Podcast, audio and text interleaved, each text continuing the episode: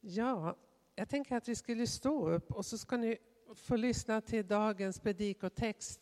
Och de, fjärde första, de fyra första verserna har ni redan hört.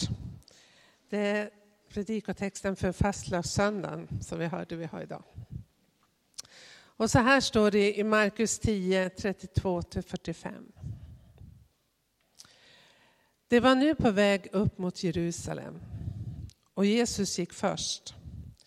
De var fyllda av bävan och de andra som följde med var rädda. Då samlade han de tolv och talade om för dem vad som skulle hända med honom. Vi går nu upp till Jerusalem. Människosonen skall utlämnas åt översteprästen och de skriftlärda och de ska döma honom till döden och utlämna honom åt hedningarna som ska göra narr av honom och spotta på honom, prygla honom och döda honom och efter tre dagar ska han uppstå. Jakob och Johannes, Sebedaios söner, gick fram till honom och sa Mästare, vi vill be dig om en sak. Vad vill ni att jag ska göra för er? frågade han. Det svarade. Låt oss få sitta bredvid dig i din härlighet, den ene till höger och den andra till vänster. Jesus sade, ni vet inte vad ni ber om. Kan ni dricka den bägare som jag dricker eller döpas med det dop som jag döps med? Det svarade, ja, det kan vi. Jesus sa, den bägare som jag dricker ska ni få dricka och det dop som jag döps med ska ni döpas med. Men platserna till höger och vänster om mig kan jag bara ge dem som har bestämts därtill.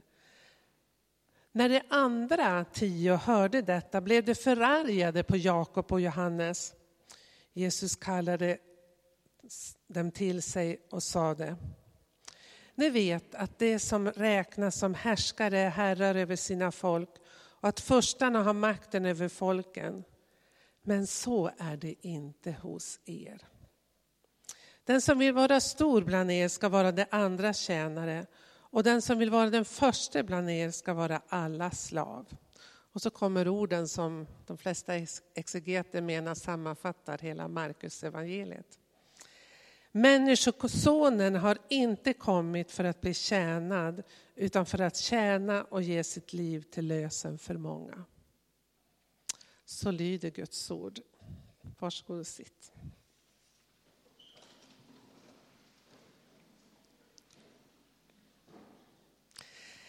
Enligt både Markus och Matteus och Lukas så förutsäger Jesus sitt lidande, sin död och sin uppståndelse minst tre gånger. Eller tre gånger som det står i evangelierna. Men varje gång Jesus försöker berätta för lärjungarna, förbereda dem för vad som ska komma, så är det uppenbart att de varken förstår eller lyssnar till vad Jesus säger. Det blir tydligt att de förväntningar som de hade på Jesus som Messias krockar riktigt rejält med vad Jesus säger. Det verkar som lärjungarna hör vad de vill höra och ser vad de vill se. Och när Jesus inte säger vad som förväntas, så då stänger de av öronen på något sätt. Eftersom det inte stämmer med deras förväntningar. Och det är ju väldigt mänskligt. Och vi har ju sett de här, den senaste tiden väldigt mycket man pratar om fejknyheter. Vi tar ju till oss massor med information från media. Och eh, det har blivit så att väldigt många människor i vår värld idag lyssnar bara på de nyheter som de tycker stämmer med deras egen världsbild. Och lärjungarna, de hade ju sett Jesus göra fantastiska under och tecken. Han hade botat sjuka, han hade befriat människor från onda andar. Han hade stillat stormen på Genesarets sjö. Och han hade mättat tusentals hungriga med endast fem bröd och två fiskar. Och han hade till och med uppväckt Lazarus från de döda. Ja, visst var Jesus Messias, den som de hade väntat på. Allt som Jesus sa och gjorde tolkade det i ljuset av deras egna förväntningar och det de hade hört berättas om Messias när han skulle komma. Och det var framför allt att Messias skulle komma som en kung och han skulle upprätta Israel som nation igen. Och befria dem från den romerska ockupationsmakten. Och då var det ju så fantastiskt att de var ju lärjungar till denne Jesus. Så ni kan ju tänka er vilka förväntningar de hade på Jesus. Så när Jesus började berätta för dem vad som skulle hända när de var på väg upp till Jerusalem, eller när de kom fram till Jerusalem. Att översteprästen och de skriftlärda skulle döma honom och överlämna honom till hedningarna. Att de skulle spotta på honom, prygla honom och döda honom. Och att han skulle uppstå på den tredje dagen. Då hörde de inte vad Jesus sa. För det här som Jesus berättade, det stämde inte med deras förväntningar på honom. Är ni med? Eller hur? Visserligen står det i texten att de var lite rädda och lite oroliga, men ändå, de, de, visst, de tog inte till sig vad Jesus sa. Och vi kan läsa om när första gången när Jesus berättar om vad som skulle ske när de kommer till Jerusalem, då tar Petrus honom avsides och tillrättavisar honom och säger att nej men, du, nu, är du fel ute ungefär. Lite, lite magstark tycker jag att han är faktiskt. lite. Han tillrättavisar Jesus och säger att du är helt, helt fel ute. Andra gången Jesus berättar samma sak skriver Markus att de förstår ingenting. Och de börjar också då bråka om vem som ska ha de bästa platserna i det kommande riket. Precis som det sker här nu tredje gången Jesus berättar om sitt kommande lidande. Det går väldigt snabbt från att Jesus säger att han ska pryglas och dömas och dö och uppstå. Och sen så nästa vers så står det att Jakob och Johannes kommer fram och frågar honom. Och de får ställa en fråga. Och vad är frågan? Jo, kan vi få ha de främsta platserna, alltså på din högra och din vänstra sida, kommande riket på din tron? Det är ganska magstarka frågor och förväntningar. De andra lärjungarna blir väldigt förargade på Jakob och Johannes. Men inte för att Jakob och Johannes har missförstått vad Jesus har sagt. Utan för att de har mage att de går fram och ber om de främsta platserna och försöker knuffa undan de andra lärjungarna på det sättet. Förstår ni? De bråkar om vem som ska ha de främsta platserna. Det är helt klart uppenbart att lärjungarnas förväntan på Jesus som Messias och Jesu livsväg var helt olika. Lärjungarnas förväntan var ära och framgång och makt. De förväntade sig att Jesus skulle ge dem precis det de drömt om i sina mest hemliga, kanske outsagda drömmar.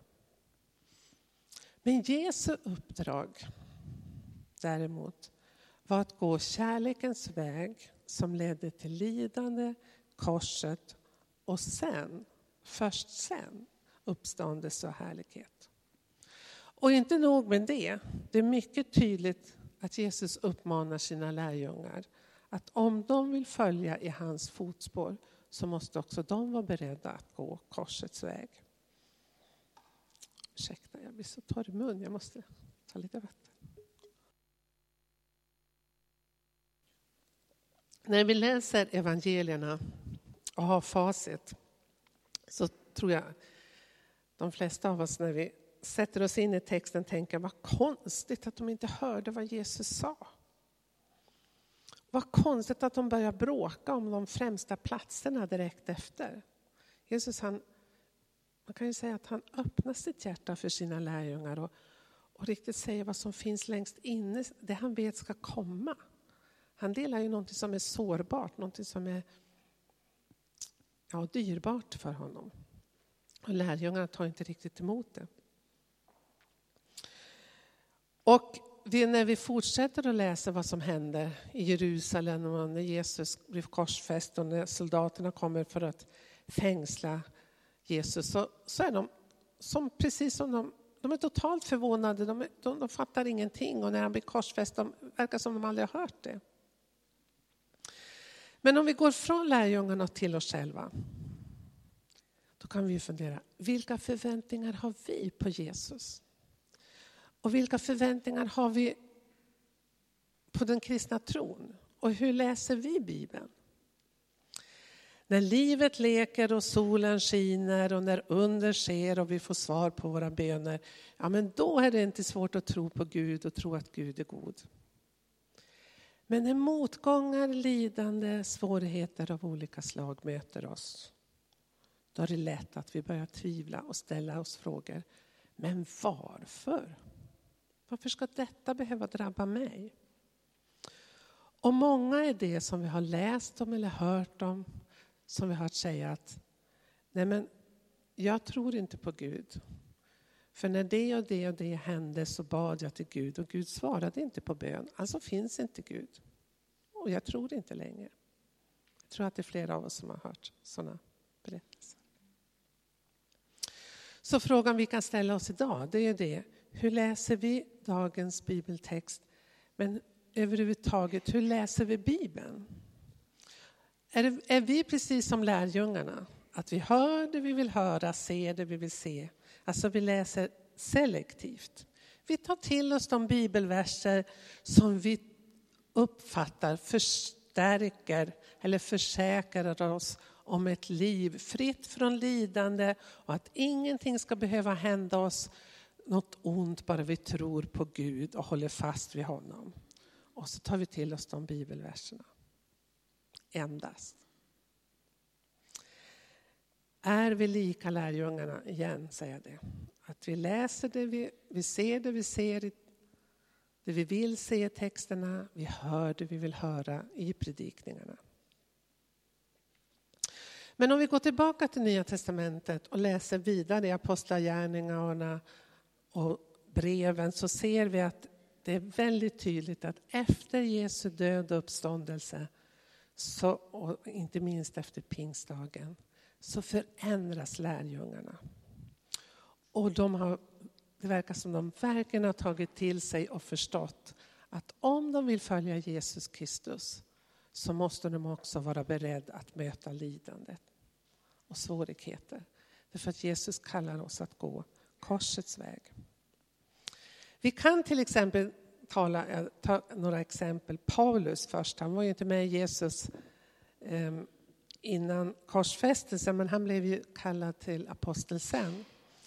Och han blir gång på gång ifrågasatt av andra att, om han verkligen är en apostel. Och andra Korinthierbrevet är liksom skrivet som nästan en enda lång försvarsskrift där han, han, han försvarar sig mot dem som ifrågasätter honom som apostel. Och då, är det in, då lyfter inte Paulus upp de under och tecken som han är med om. När han säger människor blir botade. Han lyfter inte upp sina fantastiska uppenbarelser som han har haft. Det är inte det som gör att han säger att jag är en, verkligen är Jesu apostel. Utan vad är det Paulus lyfter fram som ett tecken på att han verkligen är en Kristi apostel? Vad är det han lyfter fram? Han lyfter fram sitt lidande. Och ni kan läsa Andra Korinthierbrevet 11 och 12. Kan säga det var mycket lidande han fick gå igenom. Vi kan gå vidare till Petrus. Jag hoppar över Johannes just nu. Vi har ju läst första Petrus brev här efter jul. Och första Petrus brev är ju som vi har hört ett brev som Petrus skrev till flera församlingar i nuvarande västra och norra Turkiet. Och han skrev till dessa kristna som levde i mitten av första århundradet för att ge dem tröst i de prövningar och lidande som de mötte. Och då, jag har faktiskt här i veckan speciellt läst några verser i, i första Peter brev. Och vi kan gå till nästa bild här. Och tänka på igen, vad har vi förväntningar på den kristna tron? Och så kan vi se det i relation till Jesu livsmönster eller Jesu väg till korset. I första Peter brev, det fjärde kapitlet och vers 12, där står det så här. Mina kära. Det är intressant att Petrus verkligen betonar att han ha en nära relation till sina läsare. Mina älskade, mina kära. Bli inte överraskade av det eldprov ni måste gå igenom som om det vore något oväntat som hände er. Alltså vad vill Petrus säga? Jo, när ni möter lidande och svårigheter så ska ni inte alls bli överraskade. Det är inte något oväntat som händer er. Det här är fjärde kapitlet. Och det här syftar tillbaka, kan man säga, hänger ihop med första kapitlet och vers 6 som jag, ni har hört predikas över, som jag predikade om här för drygt en månad sedan. Där står det så här. Därför kan ni jubla även om ni just nu en kort tid skulle utstå prövningar av olika slag. För att det som är äkta er tro, och det är långt dyrbarare än det förgängliga guldet, som dock måste prövas i eld, skall ge pris och härlighet och ära när Jesus Kristus uppenbaras. Sen att ordet måste återkommer i båda de här verserna. Petrus verkar tro att läsarna måste genomgå ett eldprov. Och deras tro måste prövas genom eld. Måste, det låter ju inte bra. Är det så att vi måste gå igenom lidande och prövningar av olika slag? Är det Gud som sänder den? Nej, det tror jag inte. Men vilken tröst är det Petrus ger första sina läsare, de som först läste Petrus brev, första Petrus brev. Och nu blir det som en liten repetition av kanske det ni har hört här nu de senaste månaderna. Vilken tröst är det Petrus ger sina läsare och hur ska vi, du och jag, förhålla oss till de lidande som vi möter? Ja, utifrån det fjärde kapitlet och vers 12 så tror jag vi kan säga så här. Lidandet är någon som tillhör den här världen just nu. Och därför ska vi inte bli förvånade när lidande och motgångar drabbar oss. Alltså du finner inget stöd i Bibeln för att vi som kristna ska slippa krig, förföljelser, hungersnöd, sjukdomar, lidande. Och det kan vi se just vi här i Sverige är väldigt skyddade. Men ni som har kommit ifrån kriget, ni vet vad jag talar om. Och om vi ser vad som händer i hela världen så är det sant.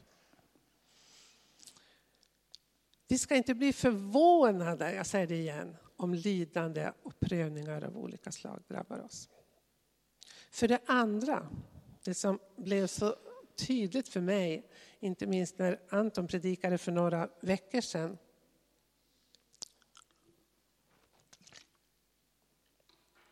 Vi behöver se våra liv i ljuset av Jesu livsmönster. Det här begreppet Jesu livsmönster eller Jesu livsväg.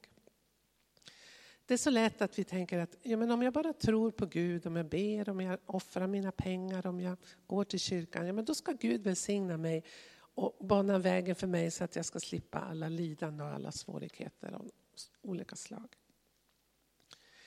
Men det är inte så vi ska tänka, istället ska vi tänka hur, vilken väg gick Jesus? Hur såg hans liv ut?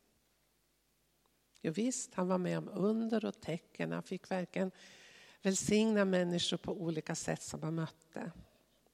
Men han fick också uppleva att lärjungarna, hans närmaste, övergav honom.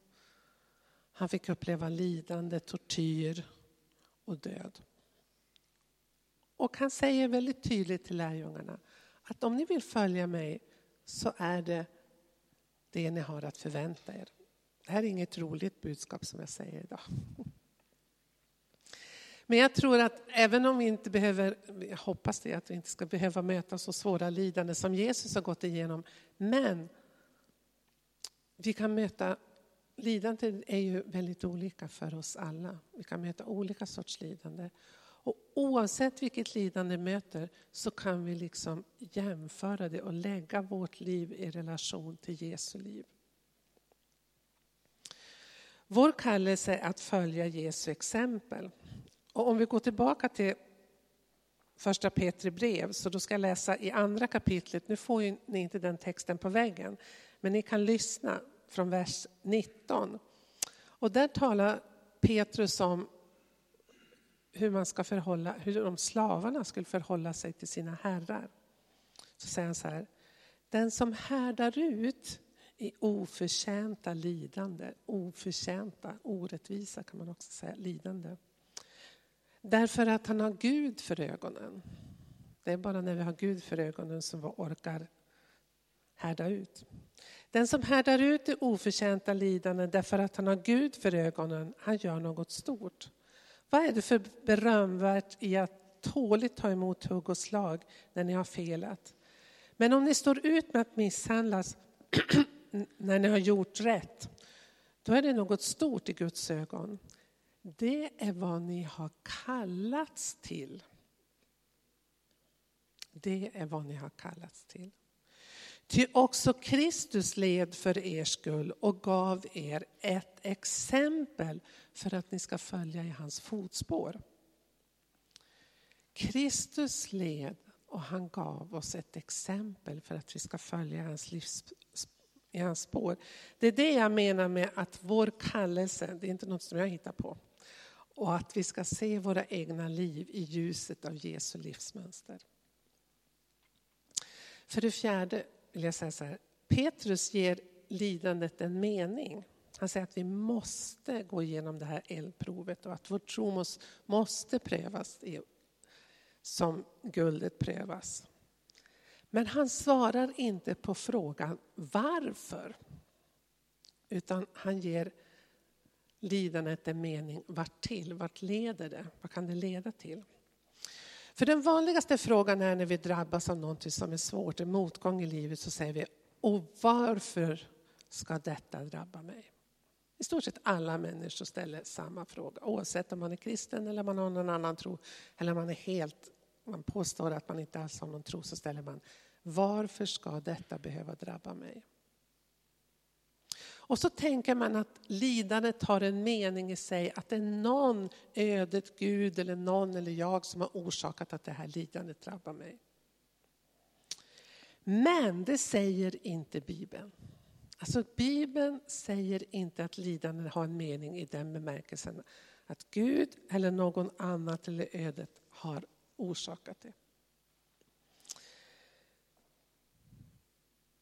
Däremot, om vi ser till exempel i islam, så hänvisar man alla varför-frågor. Varför händer detta mig? Till Allah. För att allt som sker är Allahs vilja, så tror man som muslim. Som en mor får uppleva att ens barn omkommer i en bilolycka eller genom cancer eller genom krig, så tänker man ytterst sett att ja, men det är Guds vilja eller det är Allahs vilja. Och det är endast det enda man kan göra som en troende muslim, att böja sig under det Allahs vilja.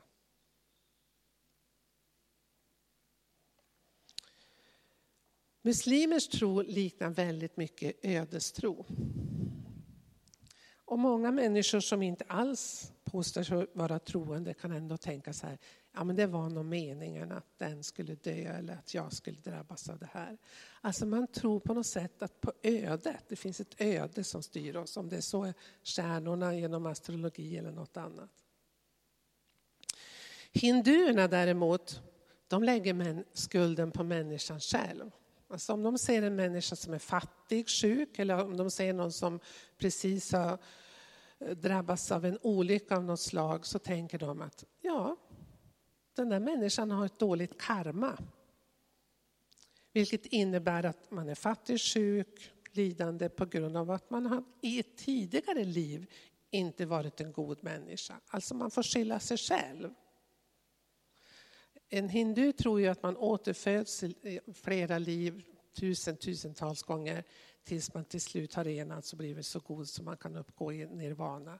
Men alltså har, om en hindu som ser på en människa som lider tänker att den här människan lider därför att hon, hon eller han har gjort något ont i tidigare liv, lägger skulden på den människan själv.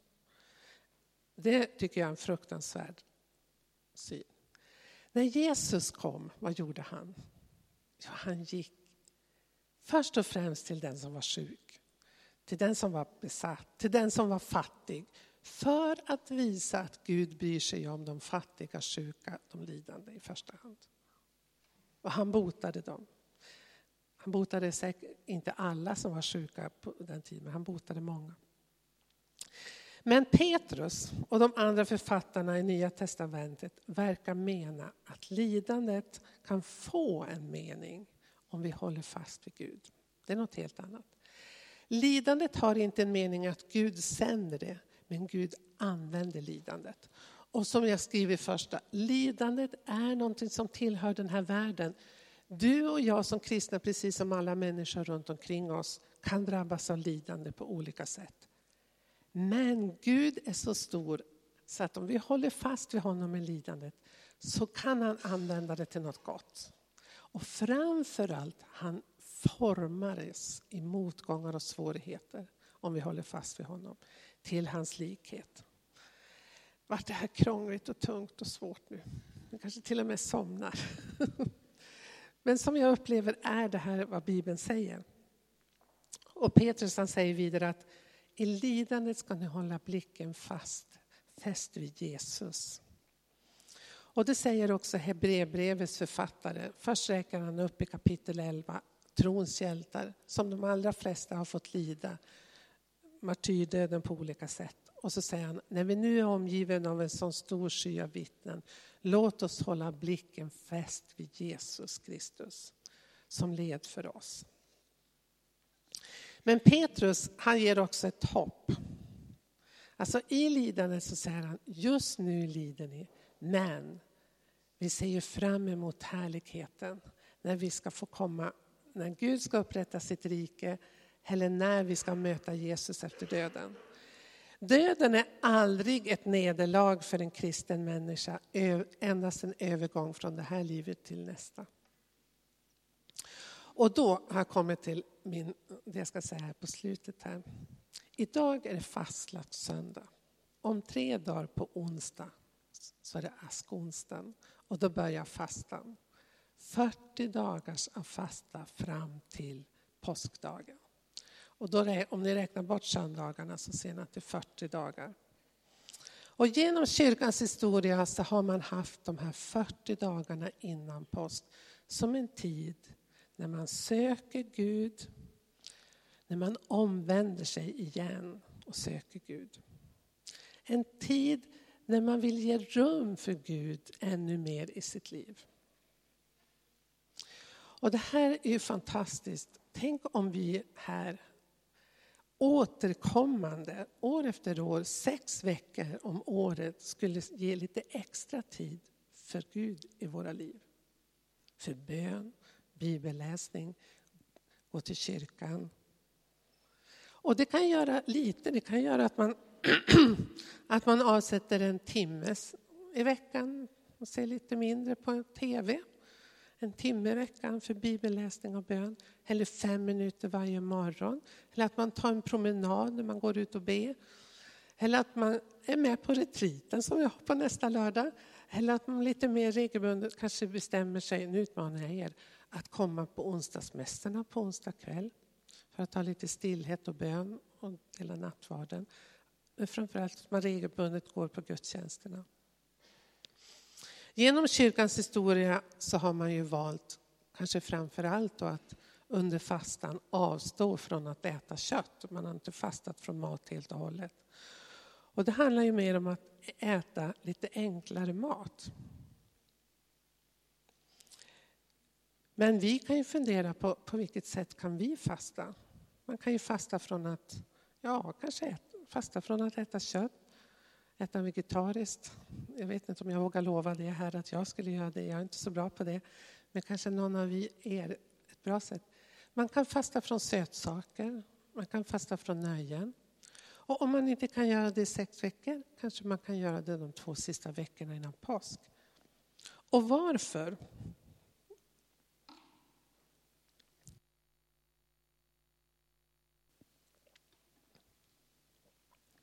Jo, det var min sista punkt här. Du kan säga det. Att under fastan våga stanna upp inför lidandet. Att våga möta sin eg, sitt eget mörker, sina egna sår och tänka att just där finns en mötesplats mellan Jesus och mig. Att hålla blicken fäst vid Jesus som har lidit på korset. Att det är någonting som kan ge oss tröst. Och så tänker jag att vi lever i en tid, vi har det väldigt bra här i Sverige, men vi lever i en tid där just nu 65 miljoner människor är på flykt undan krig eller svält. Det pågår en hungerkatastrof i Afrika som det verkar nästan större än någonsin. Flera miljoner människor svälter eller är på väg in i svälten som kan leda till döden. Och undersökningar visar, det finns en organisation som heter Open Doors som varje år ger ut undersökningar och visar vilket land, vilka länder som är farligast för kristna att leva i och var kristna förföljs mest. Och de säger att förföljelsen mot kristna har ökat för varje år. Den har aldrig varit så hög som nu, alltså i modern tid. Vi kanske behöver stanna upp så här i fastetiden inför detta faktum. Hur många av våra kristna bröder och systrar lider just nu av förföljelse, krig, hungersnöd?